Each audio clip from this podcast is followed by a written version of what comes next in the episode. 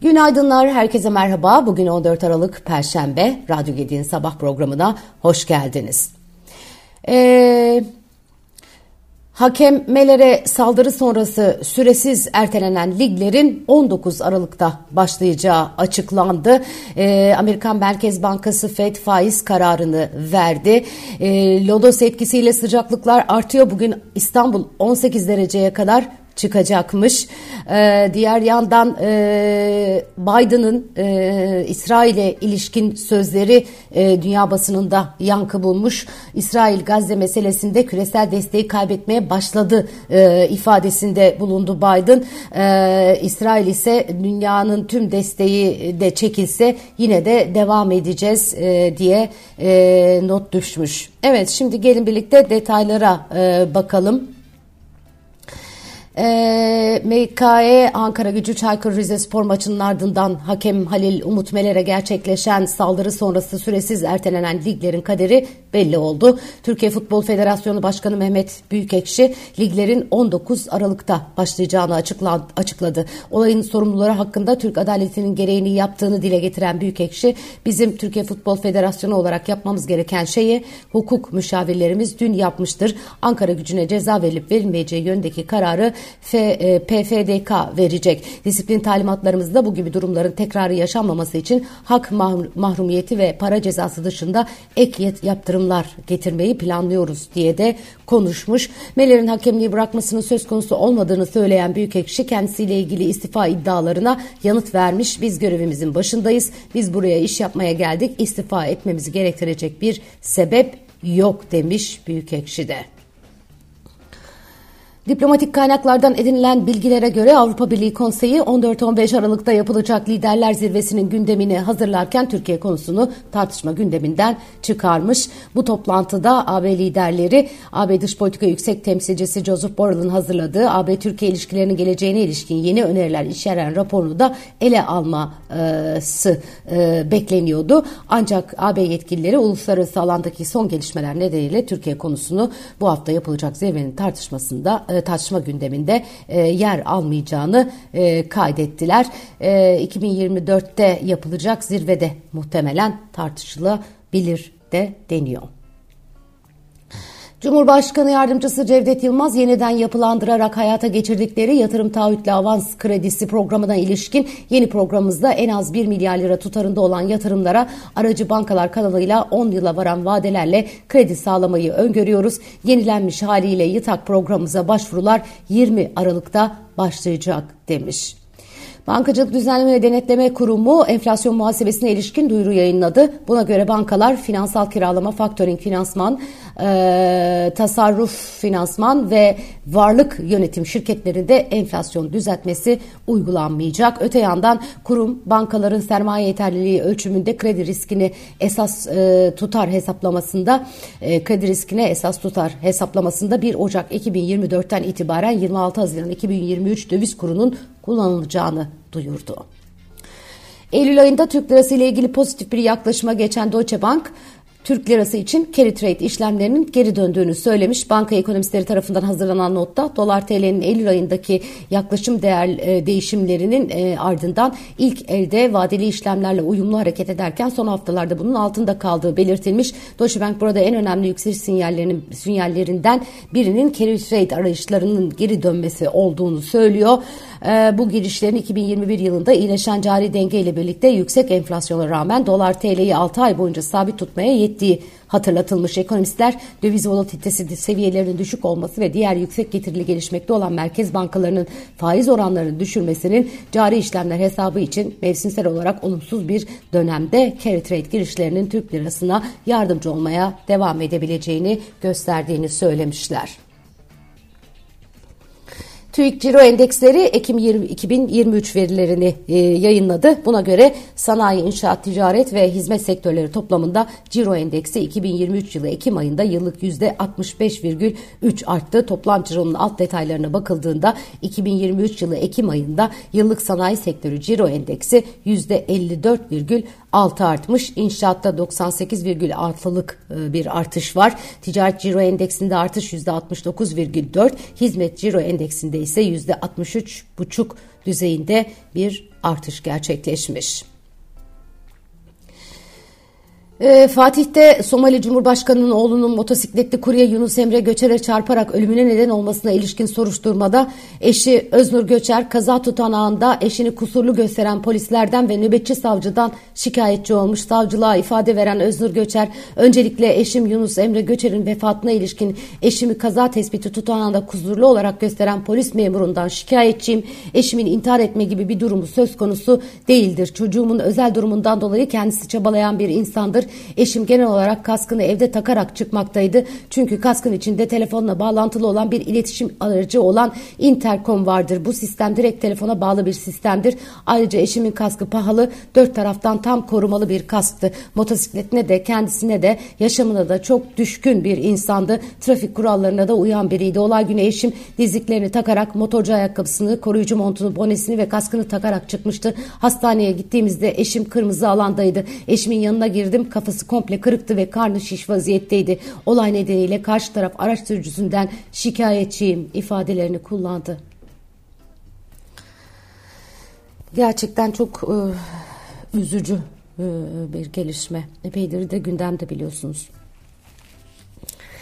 Amerikan Başkanı Joe Biden, İsrail'in Gazze'de ayrım gözetmeksizin sürdürdüğü bombardıman nedeniyle küresel desteği kaybetmeye başladığını söyledi. Netanyahu hükümetini İsrail tarihindeki en muhafazakar hükümet sözleriyle tanımlayan Başkan Biden, bu yönetimin İsrail-Filistin sorununun çözümü için iki devletli çözümü de desteklemediğini dile getirdi. Biden, İsrail Ulusal Güvenlik Bakanı Itamar Ben Gvir'e atıfla İsrail-Filistin meselesinin çözümü için Netanyahu'nun hükümetini değiştirip güçlenmesi gerektiğinin altını çizdi. Netanyahu'nun da değişmesi gerektiğini söyleyen Biden, İsrail'deki bu hükümet bunu çok zorlaştırıyor dedi.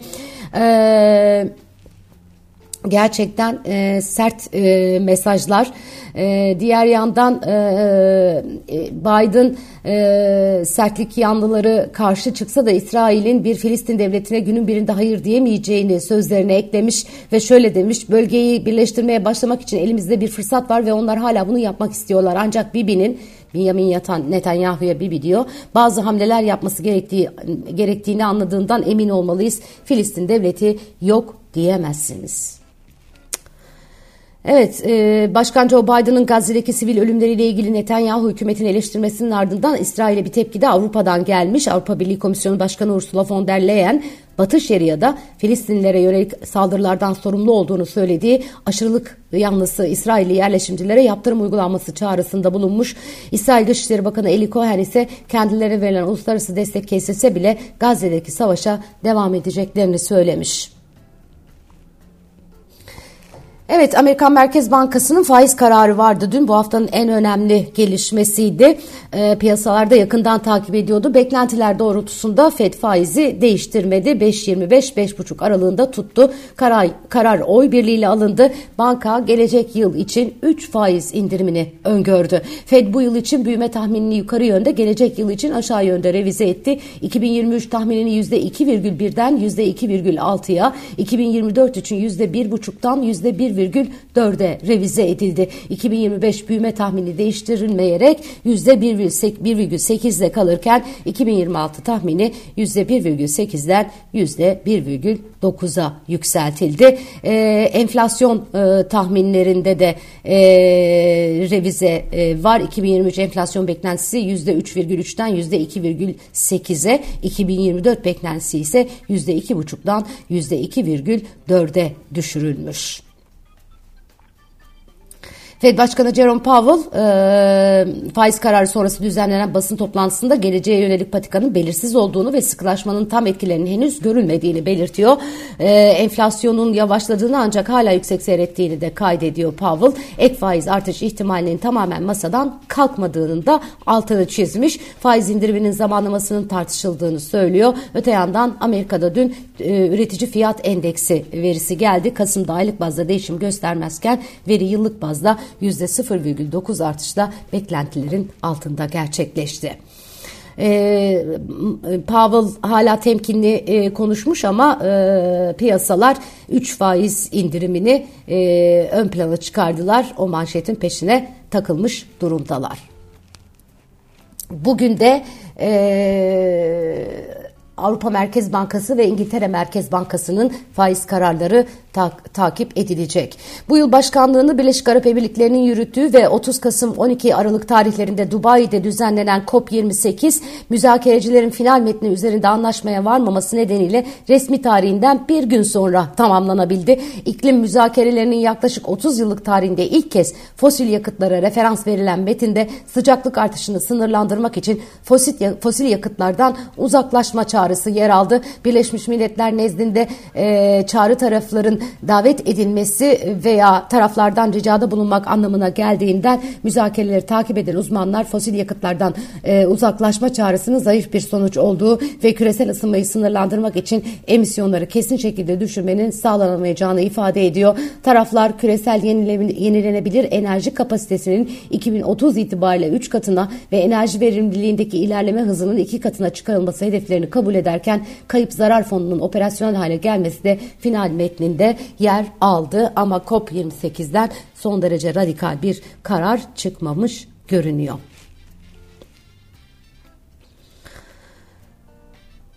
Evet, e, Avrupalı uçak üreticisi Airbus, Çin'in gelecek 20 yıl içinde Avrupa ve Kuzey Amerika'yı geride bırakarak dünyanın en büyük sivil havacılık pazarı haline geleceğini öngörüyormuş.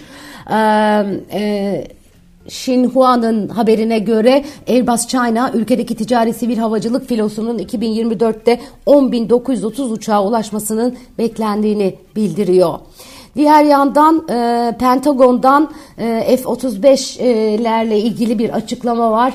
E, F-35 üretimi durduruldu diye açıklama yaptı Pentagon. F-35'ten sorumlu üst düzey yetkilisi Korgeneral Michael Schmidt e, Temsilciler Meclisi Silahlı Hizmetler Komitesi'ne yaptığı sunumda yeni nesil F-35 savaş uçağının üretiminin durdurulduğunu açıkladı. F-35 üretimini gerçekleştiren Lockheed Martin ile yıl sonuna kadar 52 jetin teslimi için sözleşme imzalandığına değinen Schmidt bu uçaklardan ancak 21 tanesinin tamamlanabildiğini aktardı. Schmidt üretimin durdurulmasının sebebini ise uçak için hayati öneme e, sahip parça üretiminin yetersizliği olarak açıkladı. Evet, e, daha önce yazılım ve entegrasyon sorunu nedeniyle üretimi yavaşlatılan yeni nesil F-35 savaş uçaklarının testleri henüz tam anlamıyla bitmediği için Amerika jetleri kullanmak istemiyor.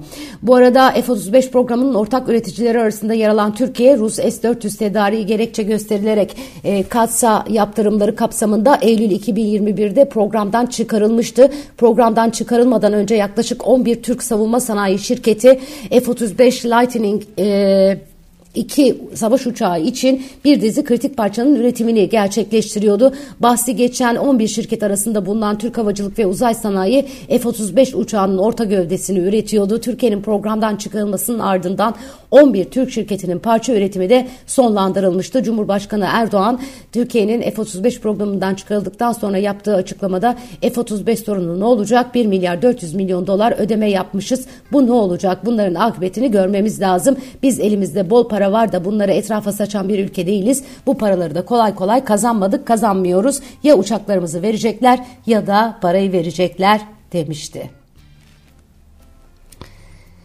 Evet, e, bugünün notları özetle böyle. Başlarken söylemiştim, hava sıcaklıkları e, artıyor.